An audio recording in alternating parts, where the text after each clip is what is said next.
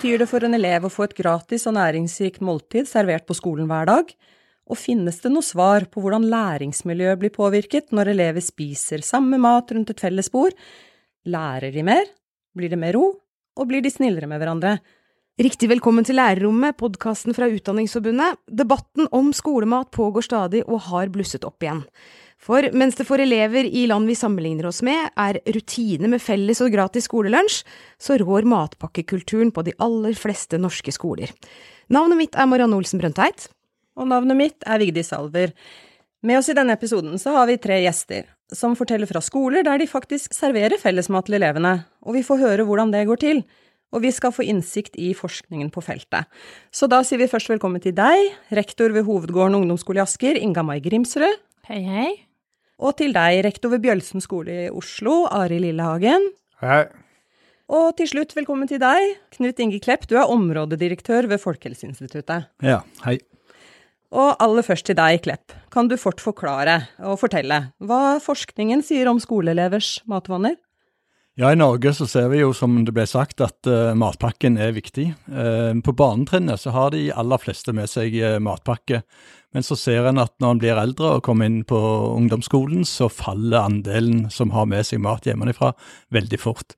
Og hvis de da ikke har tilbud på skolen, så blir det gjerne at de kjøper mat i butikken, og da er det ofte av lavere ernæringsmessig kvalitet. Matpakken, det fine med den er at den representerer et veldig mangfold. Folk tar jo gjerne med seg det de liker. Men når vi sammenligner med andre land, så ser en at uh, norske barn får i seg lite grønnsaker, f.eks. Og det er fordi det passer ikke så godt å ha grønnsaker med i, i matpakken. Og hva har det å si, da? Det de spiser, hva har det å si for skolehverdagen deres? Ja, Det er viktig å få i seg mat. Eh, selv i ganske ung alder så tilbringer de mange timer på skolen, og det er viktig at de får i seg eh, flere måltider da. Og eh, det vi ser er jo at det er noen som ikke har med seg matpakke, og da blir det lenge å gå uten eh, mat. Og det går ut over uh, læringsevnen. Han blir ukonsentrert og, og, sliten. Hvor mange er det som ikke har med seg mat i det hele tatt, tror du? Hvor vanlig er det å gå sulten gjennom en hel dag? Det vet jeg ikke, men som sagt, på barnetrinnet så har de aller fleste med. Da er det kanskje oppe i 90 og, og pluss det. Men så synker det sånn at eh, blant jenter i 14-15-årsalderen så er det under halvparten eh, som har med seg. En annen utfordring som vi ser spesielt på barne- og mellomtrinnet, er at det er lite tid som settes av, sånn at det blir noe sånn altfor uh, Det skjer for fort, og en får kanskje ikke utnytta måltidet til den sosiale arenaen som det gjerne kunne og burde være. I tillegg til at de kanskje ikke rekker å spise opp. Men hva vet ja. vi om, eh, om, sosiale ulikheter når det, gjelder, eh, når det, gjelder, hva man har med seg på skolen? Ja, det, det vi ser er at uh, altså de sosiale ulikhetene de slår inn uh, veldig tidlig i ung alder. Og uh, det er nok sånn at de barna som er mest utsatt av andre grunner i forhold til ressursfattig bakgrunn, er de som òg har det dårligste mattilbudet og har ikke med seg så god mat som de burde.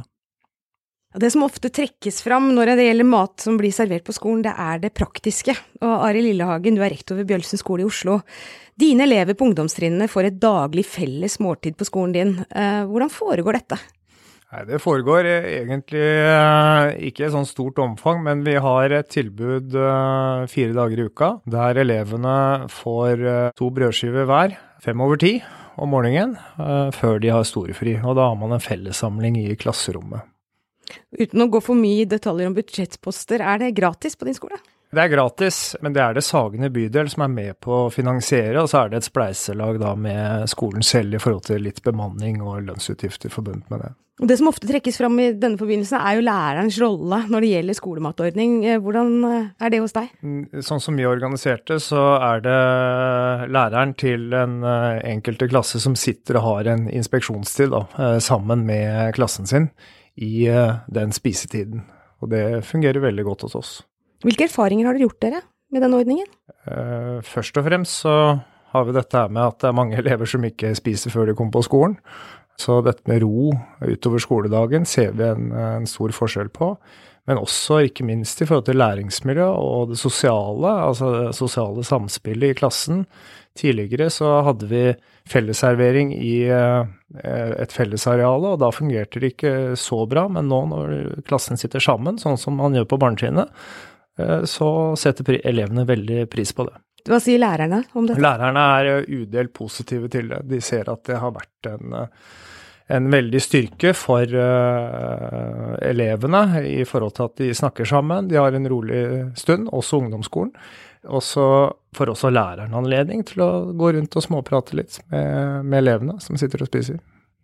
Ja, Grimsrud, på din skole i Asker så har dere også en skolematordning. Og her hos dere så tegner elevene, eller det er vel foreldrene egentlig, som tegner et abonnement. Det koster 1800 kroner for tre måneder. Til gjengjeld så får elevene servert varm, sunn mat fem dager i uka. Kan du fortelle litt hva som står på menyen eh, denne uka? Ja, i går var det pasta bolognese. I dag er det suppa, en noen slags thaisuppe med rundstykker og ris. Det er fisk alltid en dag i uken, og vegetarisk en dag i uken. Dette er en typisk meny. Ja. Hvordan får dere til det på skolen? For jeg vet at på Bjølsen skole der er det jo ordenselever som henter maten som eh, dere kjøper av et firma, men på din skole så er det litt annerledes. Hvordan gjør dere det? Vi har en kokk eh, ansatt, 50% som jobber tre dager i uken med det, eh, som lager maten. Og så har vi mat- og helselærere som lager mat sammen med elever på niende trinn som har mat og helse.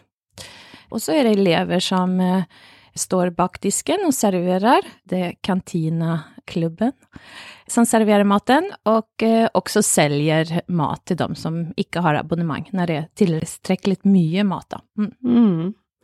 Hva er virkningen av måltidet for elevene og skolen, går det an å si noe om det? Vi syns jo at vi har en, eh, en skole der vi satser veldig mye på det sosiale sammen med elevene. Eh, og de sitter sammen, eh, vi har over 200 plasser i en kantine, og der sitter vi blandet, de som har med seg matpakke, den tradisjonelle, og de som eh, handler mat i, i kantina. Og så kan man kjøpe en del drikkevarer der. Det er rolig, det er sosialt, man treffes, det er lærerne er der og spiser, det er hele hjertet i skolen, kantina. Mm. Syns du det påvirker læringsmiljøet? Ja, vi ser det over tid. Det er derfor denne kantina startet en gang for åtte år siden. For vi hadde elever, eh, eller en skole, der mobbing eh, var høyt tall. Det var mistrivsel, det var mye røyking. Eh, elevene gikk til Kiwi i friminutter, kjøpte sjokolade, boller, wienerbrød osv., brus. I hallen, vår idrettshall i nærheten, der fantes det en brusautomat. Så tidligere skoleledelse tok tak i dette og eh, snudde faktisk skolen helt. Så det er sånn at dere ser et sånn tydelig før og nå? Ja, det gjør vi. Mm. Knut Inge Klepp, eh, nå har vi to eksempler fra skoleledere som er veldig fornøyd med skolematordningen hos seg, men de rigger det veldig forskjellig. Eh, både med tanke på hva som serveres, hvor elevene spiser, og de har forskjellig finansiering av ordningen også. Hva tenker de om det du har hørt? Det er veldig spennende å høre om disse forskjellige erfaringene, og nettopp det at det kan løses på ulike måter. Eh, det tenker jeg er helt nødvendig, at en eh, tilpasser det eh, lokalt. Så er det jo en viktig forskjell da i forhold til dette med egenbetaling.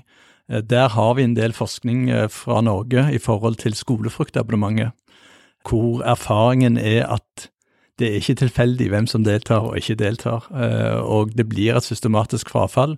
Og når det gjaldt skolefrukt, så så vi helt tydelig at det var de barna som spiste mest frukt i utgangspunktet, som kom fra foreldre med høyere utdanning, eh, som deltok. Eh, slik at den abonnementsordningen førte da til at det ble større forskjeller i kostholdet mellom elevene. Betyr dette at du mener at finansieringen må være en viktig del av debatten om skolemat? Ja, absolutt. Hvilke andre aspekter er viktig å ta med seg i diskusjonen om skolematordning, syns du?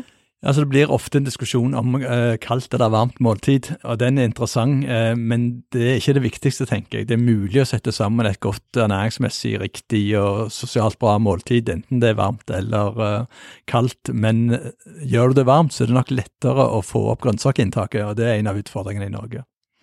Grimsrud, hva har egenandelen å si for om et hjem la være å være med på ordningen ved din skole? Det har jeg ikke undersøkt, men sånn 18-20 kroner per dag, det er kostnaden. Og så har vi ikke gjort noen undersøkelse på hvorfor du ikke deltar. Det har vi ikke spurt foreldrene om. Hvor stor andel av elevene tegner abonnement? Eh, cirka en tredjedel. Mm. Skulle du helst sett at kommunen sponsa dere med det her? At det var gratis for elevene? Ja, det skulle jeg nok gjøre. Vi hører jo at du er svensk, og du har jo sjøl vokst opp med, med, skolemat. Hva tror du skal til for at Norge kan få det samme tilbudet som du har opplevd sjøl, og som Sverige fortsatt har? Ja, det kreves jo store, store omstruktureringer av norsk skole. Eh, om man skal ha en eh, skolemat der eh, Altså, det kreves eh, kjøkkenen, da, på skolen. Eh, steder der man kan vaske opp for mange hundre elever. Det klarer man ikke å gjøre på et litet, litet kjøkken. Vi har et ganske litet kjøkken nå, men eh, vi truller. Det kreves. Og så tror jeg at elever og foreldre ser positivt på å kunne få en måltid, men det praktiske er veldig utfordrende, akkurat som det er i dag. Lillehagen, det er dratt inn dette med egenandel og gratisprinsippet. Hvor viktig er det hos dere? Jeg tenker at det er helt uh, bærende for våre elever. Vi ville helt klart ha sett at uh, det hadde blitt en betydelig forskjell på skolen hos oss i forhold til hva foreldrene kan prioritere i forhold til hvis vi skulle hatt en egenandel på den matserveringen vi leverer til, til ungdomsskolen. Og det, det, ser vi også i forhold til at vi har klart å snu dette med at det har blitt et gratis skolemåltid, har også ført til at det er færre elever som kjøper seg annet i nærbutikken etterpå i friminuttet. Det ser vi en klar nedgang i. Som Grimsrud også trakk fram, det er også andre aspekter ved dette enn det økonomiske også, med tanke på fasiliteter.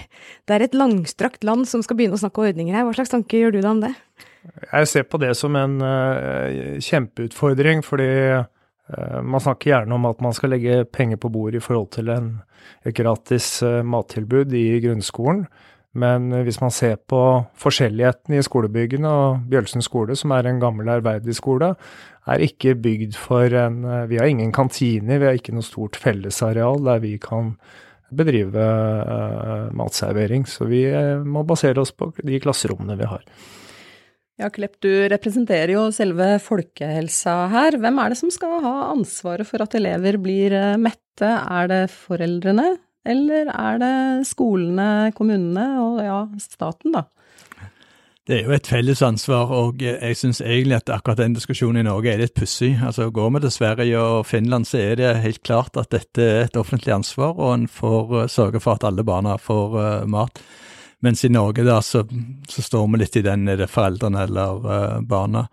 Jeg tenker at det er så systematiske forskjeller i hvem som har anledning til å få god mat med hjemmefra, og når det er en så tydelig uttalt uh, politisk målsetting i Norge å redusere forskjeller i, uh, sosiale forskjeller i helse, så er det et veldig godt grep å se på om vi kan få til uh, felles uh, offentlig støtte og betalte matordninger i skolen. Rektorene vi har her, de forteller jo om ulike tilbud, og du var jo inne på det selv i sted, at det har ikke så mye å si. Men hvem er det som skal kunne bestemme hva man legger i skolemåltidet? Eh, er det problematisk at det er ulike eh, tilbud? Altså, Trengs det noen nasjonale retningslinjer, syns du? Vi har nasjonale retningslinjer, mm. og det har vi hatt eh, siden starten på 90-tallet. Men for skolemat? Ja, men det er jo på skolemat. Det er jo den maten du spiser på skolen. Eh, og Der er det retningslinjer kan, kan servere og ikke bør servere, og anbefalinger òg. Ja, fortell hva, hva, det står i dem, veldig kort. Ja, Det skal f.eks. være, eh, når det er brød, at det er grove brød med ulike påleggssorter. Eh, spesifisere det at det skal være tilbud om kanskje rå grønnsaker, og frukt. At en ikke skal servere brus, det en ikke skal ha med. Eh, hvis en fikk et offentlig eh, betalt tilbud, så burde en jo gå videre og videreutvikle de retningslinjene. Ja, det var det vi tenkte på. Ja, så det, jeg tenker jo at det bør absolutt være retningslinjer, men de må ha en sånn utforming at det er rom for lokale tilpasninger, og da gjerne enten velge en varmt eller velge en brødbasert eh, måltid, så må det være mulig å håndtere begge de tilnærmingene. Men det at Sverige får det til, har det også med kultur å gjøre? Altså, Svenskene går jo ut og spiser varm lunsj i høy grad òg? Ja, nei, det, altså, jeg tror det er historisk. Det er litt tilfeldig. I Norge, her i Oslo, vi hadde Oslo-frokosten, og en var på god vei egentlig til å ha et offentlig uh, mattilbud i skolen. Og så forsvant det ut, mens det ble på en måte styrka i Sverige og Finland. Så jeg tror, det, jeg tror det er litt tilfeldig eh, der og da i historien at det blir gjort noen valg, og så sementeres på en måte de valgene da, slik at vi nå sitter med skoler hvor det er sånn som på Bjølsen, det er vanskelig å plutselig skal tenke deg at du skal ha et stort uh, kjøkken og, og kantine. Avslutningsvis og litt sånn oppsummering til rektorene, hva mener dere politikerne bør huske på i diskusjonen rundt skolematordning? Start med deg. Jeg tenker at skolematen er Det ene er det ernæringsmessig, men eh, i et sånt bredere perspektiv i forhold til dette med læringsmiljø, der vi har eh, mobbing, uh, uro i skolen, så ser vi helt klart at vi har hatt en flott utvikling på elevundersøkelsen. Og lærerne sier unisont at det er roligere nå enn det, det var før, når vi fikk innført skolematen. Inga Mai Grimsrud? Jeg tenker at vi, eh, eh, det er viktig å tenke på de sosiale eh, forskjellene i samfunnet. Vi prater om det med hva foreldrene har for bakgrunn. Det gjelder likevel i matkultur som i utdanningskultur. Og så tenker jeg også sånn at det kommer hele tiden sifrer om mobbing i skolen. Dette er en arena der vi sitter sammen og spiser, som kan bidra til et godt skolemiljø på en skole. Ja, det er vel ingen tvil om at mat gjør oss mer enn eh, mette, og vi lar eh, dette få avslutte episoden om eh, skolemat. Vi takker gjestene våre for at dere kom hit, og vi takker deg som lyttet på. Husk å abonnere på Lærerrommet via din podkasttjeneste, og del oss gjerne videre. Vi sier takk for nå. Ha det bra. Ha det. Ha det. Ha det. Ha det.